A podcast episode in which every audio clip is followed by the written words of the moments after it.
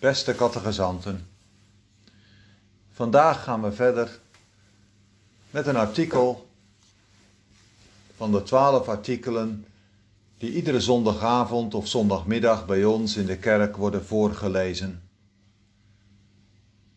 Ik geloof een heilige, algemene, christelijke kerk, komma, de gemeenschap der heiligen. Deze artikelen die zijn al bijna 2000 jaar oud. De eerste versies die zijn al zo rond het jaar 170 na Christus opgeschreven. En weet je wat mooi is? Deze twaalf artikelen die hebben alle kerkscheuringen of kerksplitsingen overleefd. Het gaat om de kern van het christelijke geloof. En vandaag staan we dus stil bij dat artikel: Ik geloof een heilige, algemene christelijke kerk. Het is goed om bij deze artikelen stil te staan, omdat ze zo heel kernachtig verwoorden wat wij als christenen geloven. En jongens, als je nu misschien op je werk of bij je studie iemand ontmoet die je vraagt: wat geloven jullie nu eigenlijk als christenen? Kan je me dat niet eens vertellen? Kun je me dat uitleggen? Dan kan dat misschien best lastig zijn als je daarover nadenkt. Hoe, hoe zal ik dat nu verwoorden? Wat zal ik nu vertellen over het christelijke geloof? Nu, dan moet je bedenken, dan heb je hier in de twaalf artikelen een prachtige samenvatting. De kern van wat wij geloven. Dan begint het over God de Vader. Ik geloof in God de Vader, de Almachtige, de Schepper van de hemel en van de aarde dan gaat het over zijn zoon. En daarna over de Heilige Geest.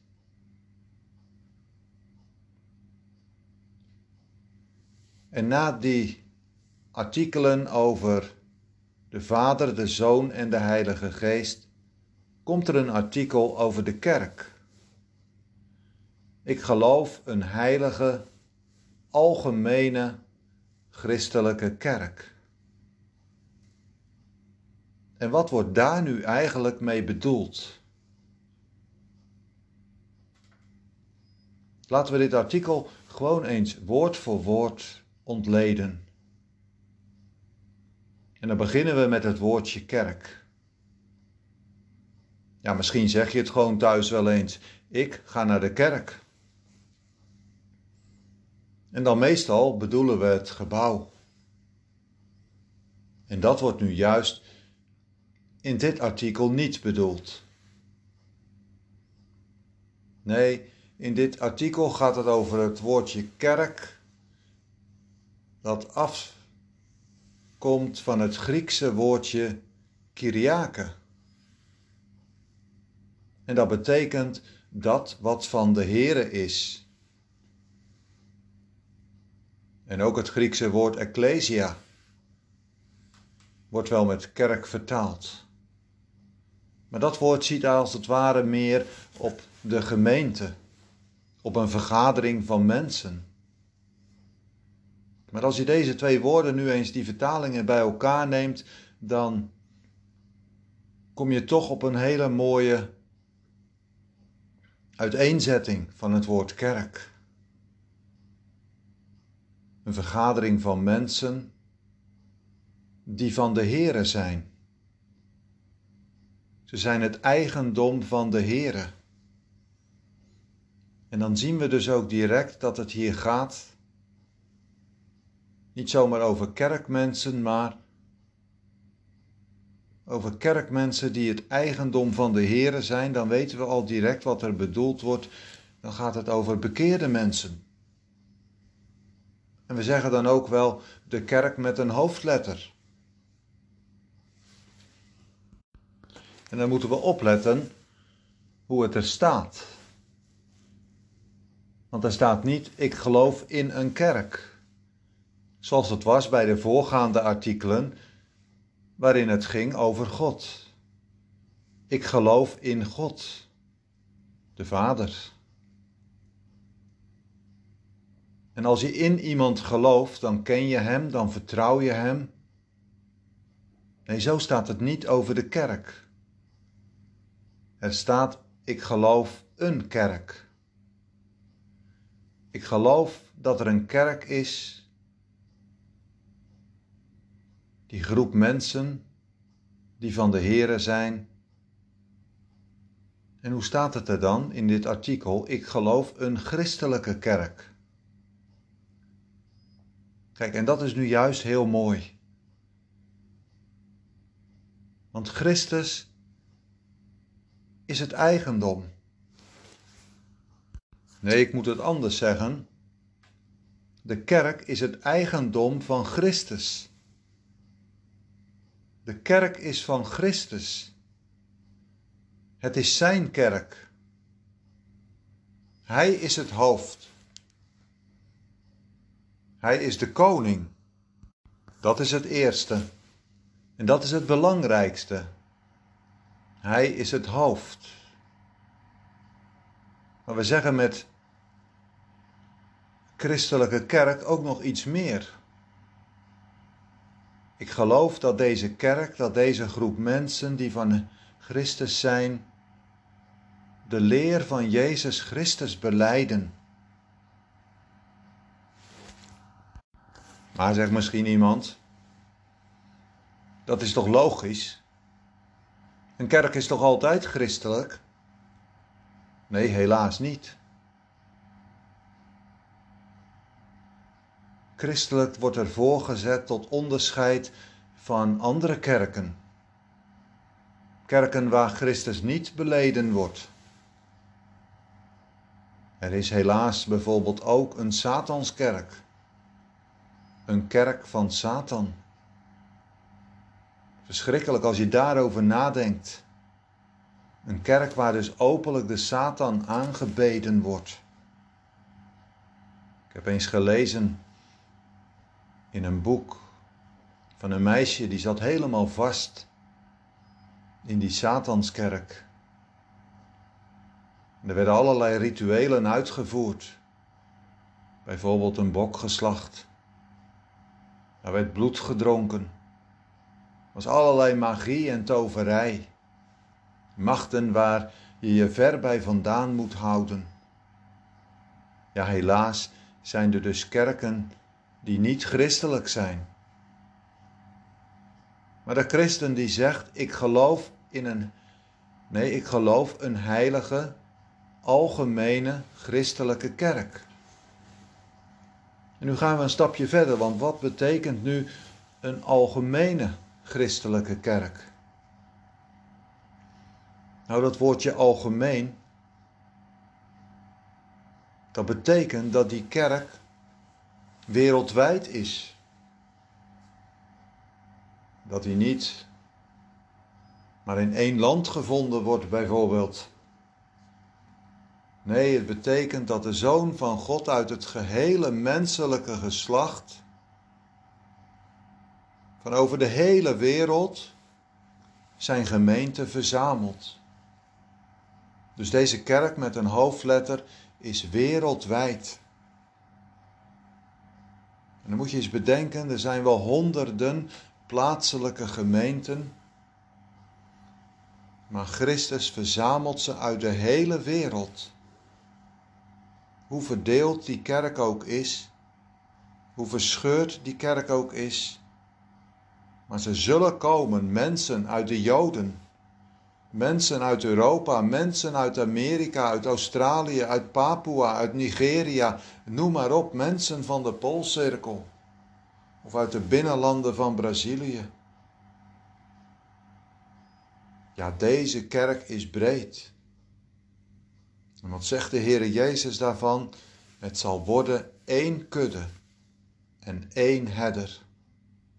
Nee, niet te klein denken hoor van die kerk. Want het wordt een schare die niemand tellen kan.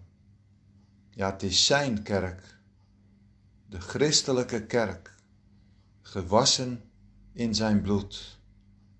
En al die gelovigen hebben deel aan Christus, zo heel persoonlijk.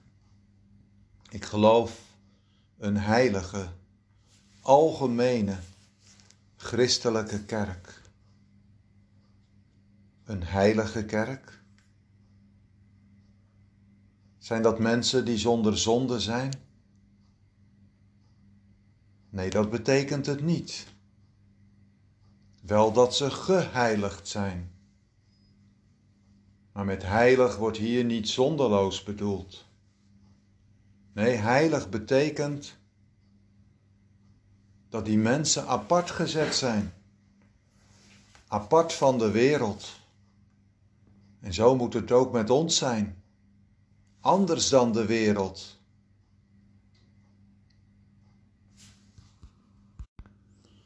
En wij zijn al een keer apart gezet. Ik bedoel, wij zijn allemaal gedoopt.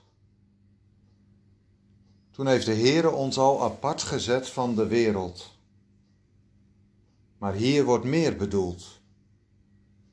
Kijk, ik zal het uitleggen met, het, met een voorbeeld van het volk Israël.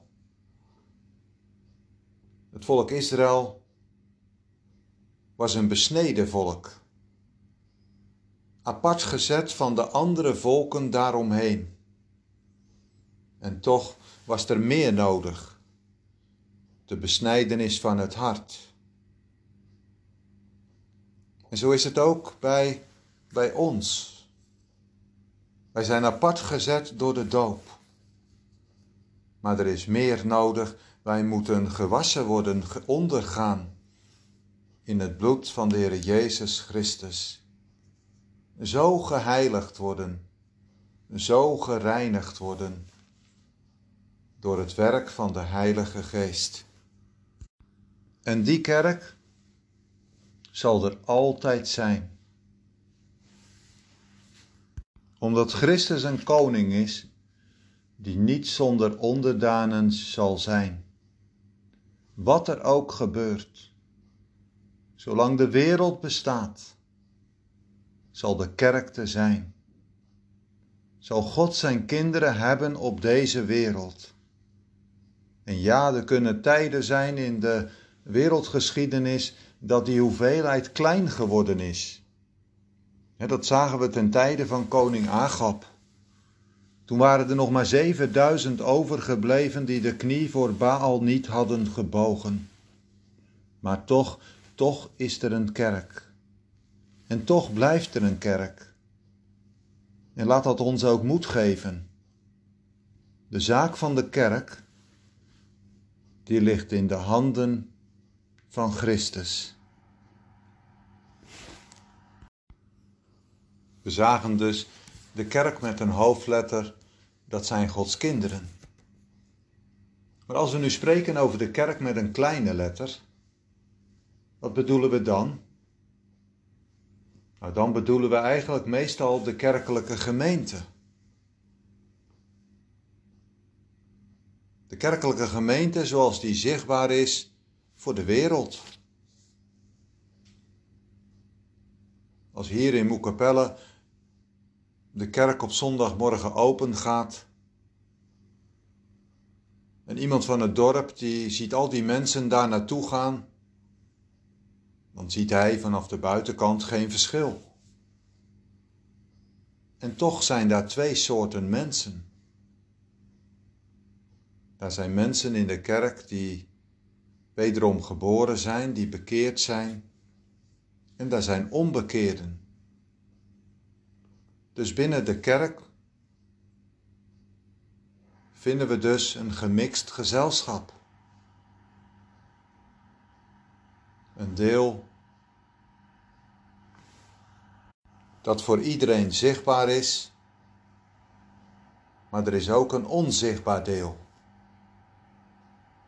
En dat onzichtbare deel, dat is nu gewerkt door de Heilige Geest in het hart. En dat zagen we de vorige keer. Die Heilige Geest die werkt in stilte. Die Heilige Geest is die vernieuwende geest, die harten levend maakt. Die Heilige Geest werkt dus de wedergeboorte. Zo komen we bij een zichtbaar en een onzichtbaar deel. We zouden kunnen vragen: kunnen we nu nog meer onderscheid aanbrengen in de kerk? Ja, dat kan. En laten we dan nog eens even kijken naar die kerk met een hoofdletter. Waar bevindt die kerk zich? Nu zal iemand zeggen, ja, dat hebben we toch al gehad. Die kerk die vergadert de Here uit het gehele menselijke geslacht. Dus vanuit de hele wereld komen, zullen ze komen. Zoals we zojuist al gezegd hebben. En de psalmen zingen daar ook van, de Filistijn, de Tyriër, de Moor. Die zullen allemaal komen. Maar waar bevindt zich nu die kerk met een hoofdletter? Nou, over de gehele aarde? Ja, maar niet alleen de aarde. Want die kerk, die mensen, die personen die van de Here zijn, die leven niet allemaal tegelijk op aarde. En een gedeelte is al opgenomen in de hemel nu nog wel alleen naar de ziel. En straks op die grote dag, de dag van de wederkomst, zal ook het lichaam daar worden bijgevoegd. Maar die kerk met een hoofdletter, die bestaat dus ook uit twee delen. Een gedeelte hier op de aarde en een gedeelte al in de hemel bij de Here. We zouden dat kunnen noemen de kerk die nog in de strijd is en een kerk die de strijd te boven is. Iemand vraagt waarom noemen we dat een kerk in de strijd? Nou, omdat de gelovige een strijd heeft op aarde.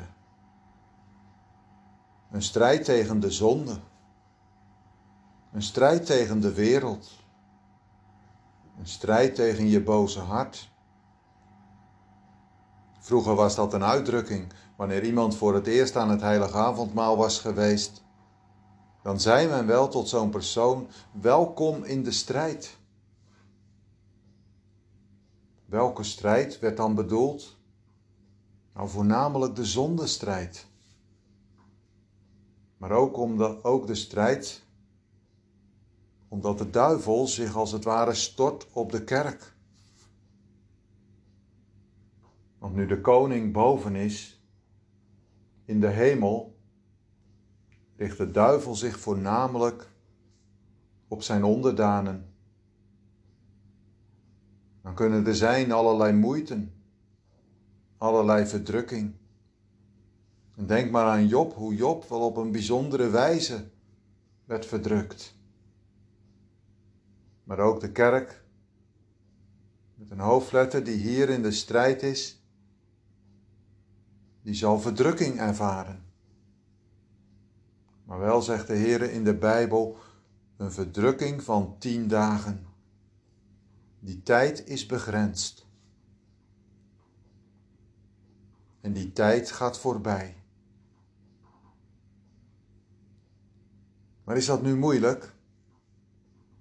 voor die kerk in de strijd? We moeten maar bedenken. En vanavond lazen wij, wij nog die mooie geschiedenis in de Bijbel. Als Elisa in Dothan is. En dan komen die Syriërs om hem gevangen te nemen. En dan is die knecht van Elisa bang. Want die ziet al die wagens en paarden van de vijand. Maar dan zegt Elisa: Nee, die bij ons zijn, die zijn meer dan die bij hen zijn. En dan vraagt hij aan de Heere: Heere, open toch zijn ogen dat hij ook ziet. En als die knecht dan zijn ogen geopend worden, dan ziet hij al die vurige paarden en wagens om de stad Dothan heen. Die engelenmacht die beschermt, die bewaart. En zo wordt de kerk hier op aarde ook bewaard in de strijd. Waarom? Omdat de koning leeft. Omdat de voorbidder in de hemel leeft. En die bidt. Zoals hij het tegen Simon Petrus gezegd heeft: Simon, Simon, ik heb voor u gebeden dat uw geloof niet ophouden. Zo wordt de kerk hier op aarde staande gehouden door het gebed van die hoge priester in de hemel, de Heer Jezus Christus. Die kerk heeft ook een strijd tegen het eigen onwillige hart. En die strijd die duurt tot de laatste snik in het leven. Dan horen we het Paulus zeggen: Als ik het goede wil doen, dan ligt het kwade mij bij. Niet alleen zonde doen, maar zondaar zijn. Dat wordt geleerd. Dat we zo onverbeterlijk zijn. Dat we zo vastzitten aan de zonde. Dat we met Paulus wel moeten zeggen: het willen is wel bij mij. Maar het goede te doen, dat vind ik niet. Maar eens, eens komt er voor die kerk met een hoofdletter de overwinning. Wanneer de kerk thuiskomt. Wanneer het zal klinken, kom in, gij gezegende des Heren, en beërf het koninkrijk. Dan is de strijd voorbij. Dan is de kerk thuis. Dan is daar de overwinning door Hem. Wat een grote triomf. En daarom noemen we die kerk de triomferende kerk. Niet ziende op wat zij gedaan hebben, maar ziende op Hem, die nu alles heeft gedaan. Hem de eer gaan geven, in verwondering en ze zullen het uitroepen, het is door u, door u alleen, om het eeuwig welbehagen. En daarom komt de kerk thuis, door Hem. Krijg je er ook geen zin in? Hier op aarde nog wel in de strijd. Maar we zeiden, daarin staan ze niet alleen. Ja, zegt iemand, omdat de koning voor hen zorgt. Ja, dat is waar, maar toch ook staan ze niet alleen. Want dit artikel wat we met elkaar overdenken, ik geloof een heilige, algemene christelijke kerk, komma, de gemeenschap der heiligen. De Heere die die geeft dat er een gemeenschap is van heiligen. Dat die bij elkaar mogen zijn. Dat die elkaar ondersteunen. Elkaar bemoedigen. Voor elkaar zorgen. Samen strijden. En zo zouden er heel veel dingen kunnen noemen. En die gemeenschap die gaat nu over kerkmuren heen. En dat is ook het mooie. Dat je soms zomaar iemand tegenkomt waar je een goed gesprek mee hebt. Dat je het mag horen, die persoon die praat er niet over. Bijvoorbeeld wie de Heere voor hem is. Maar die praat eruit. Die heeft de dingen beleefd. En dan kunnen harten samensmelten. Dan maakt het niet uit of je van een andere kerkelijke gemeente bent. Maar dan ben je één, één in de Heer Jezus. In wat Hij heeft gedaan. In wat Hij heeft geschonken. de gemeenschap der heiligen. De psalmdichter zegt het ook zo mooi. Ik ben een vriend. Ik ben een metgezel van allen die uw naam ootmoedig vrezen. Dan heeft de Heer daarin ook weer gegeven wat hij al in het paradijs gezegd heeft. Het is niet goed dat de mens alleen zij. Nee, die mens, die gelovige mensen, die mogen een gemeenschap vormen. Een kerkelijke gemeenschap. In de Bijbel ook wel aangeduid als een lichaam. En bij een lichaam zien we ook zo mooi dat de hand niet tegen de voet kan zeggen: Ik heb je niet nodig. Dat het oog niet kan zeggen: Ik heb de andere ledematen niet nodig. Nee, ieder heeft daarin zo zijn eigen functie. En zo mag het nu ook in die kerkelijke gemeenschap functioneren. En wat is het groot? Als dat in harmonie mag gebeuren. Als daar de broederlijke en zusterlijke liefde mag blijven. Om samen de Heere te mogen grootmaken. Eén te zijn in Hem. Zoals de Heer Jezus het gezegd heeft. Ik wil dat ze één zijn. Ik geloof. Een heilige algemene christelijke kerk, de gemeenschap van de heiligen.